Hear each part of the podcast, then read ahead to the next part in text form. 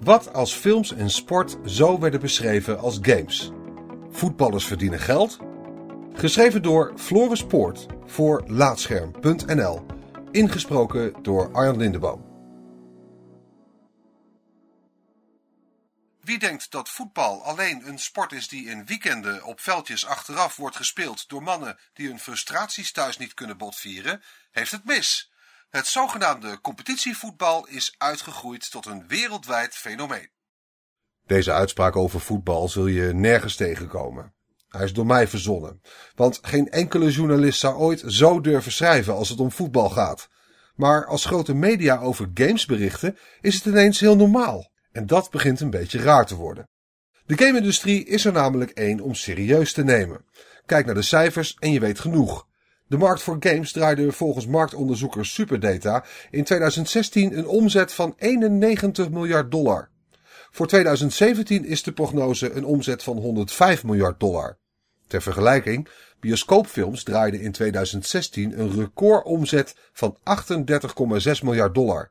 En tellen we de omzet uit 2016 van de Amerikaanse divisies voor basketbal, honkbal en American football, de Engelse Premier League en de Duitse Bundesliga bij elkaar op, komen we op zo'n 32 miljard euro.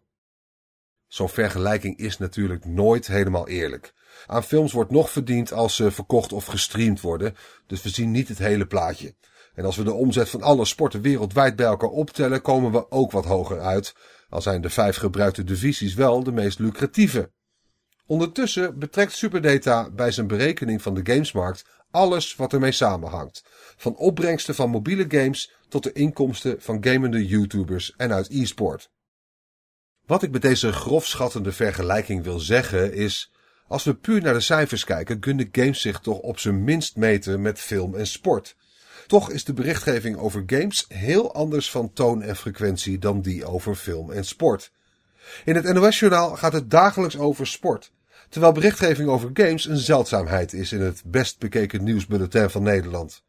De uitslag van filmgala's, zoals de Oscars, is een vanzelfsprekendheid, maar prijzenshows voor de game-industrie halen het hoofdpodium dan weer haast vanzelfsprekend niet. Hoe zou het toch komen dat games er ondanks steeds grotere omzetcijfers en steeds bredere toepassingen nog zo bekaaid van afkomen in de berichtgeving?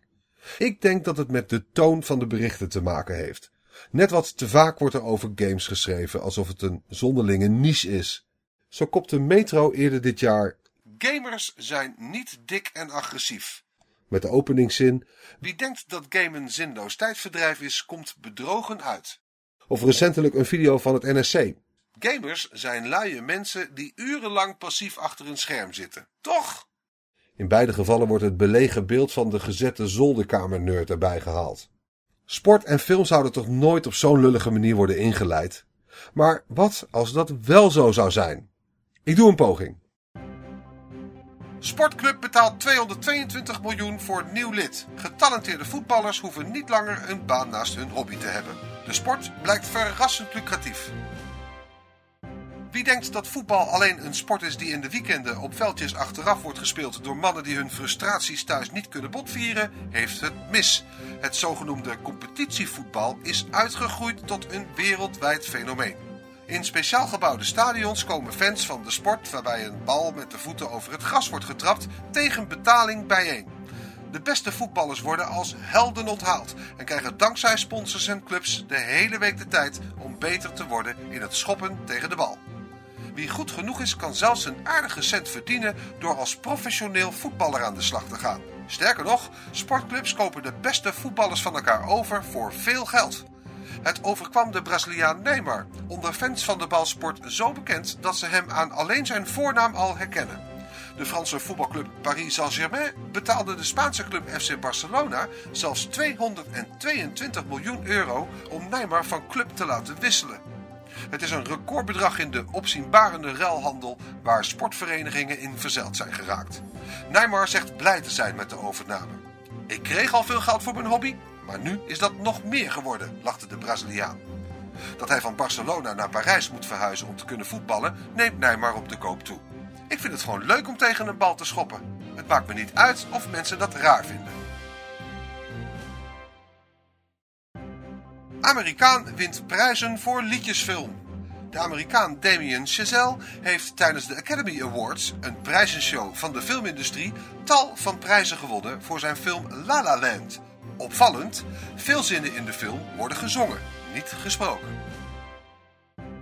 We hebben er allemaal wel eens van gehoord. De film. Mensen die goed kunnen doen alsof, worden met speciale apparatuur vastgelegd. Het resultaat duurt vaak anderhalf tot soms wel drie uur en geldt voor veel mensen zelfs als een leuk avondje uit. Maar de meeste van die films bestaan uit mensen die tegen elkaar praten en soms roepen, leek het de Amerikaan Damien Chazelle een leuk idee om de personages in zijn film tegen elkaar te laten zingen. Echt waar, in zijn film La La Land beginnen de mensen soms plotseling en zonder aanleiding te zingen en te dansen. Leuk detail, de acteurs, de mensen die doen alsof, hebben helemaal geen zangervaring.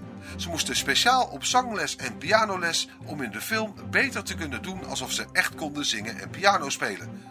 Dat vond de jury van de Academy Awards zo knap dat ze hoofdrolspeelster Emma Stone een gouden beeldje cadeau deden.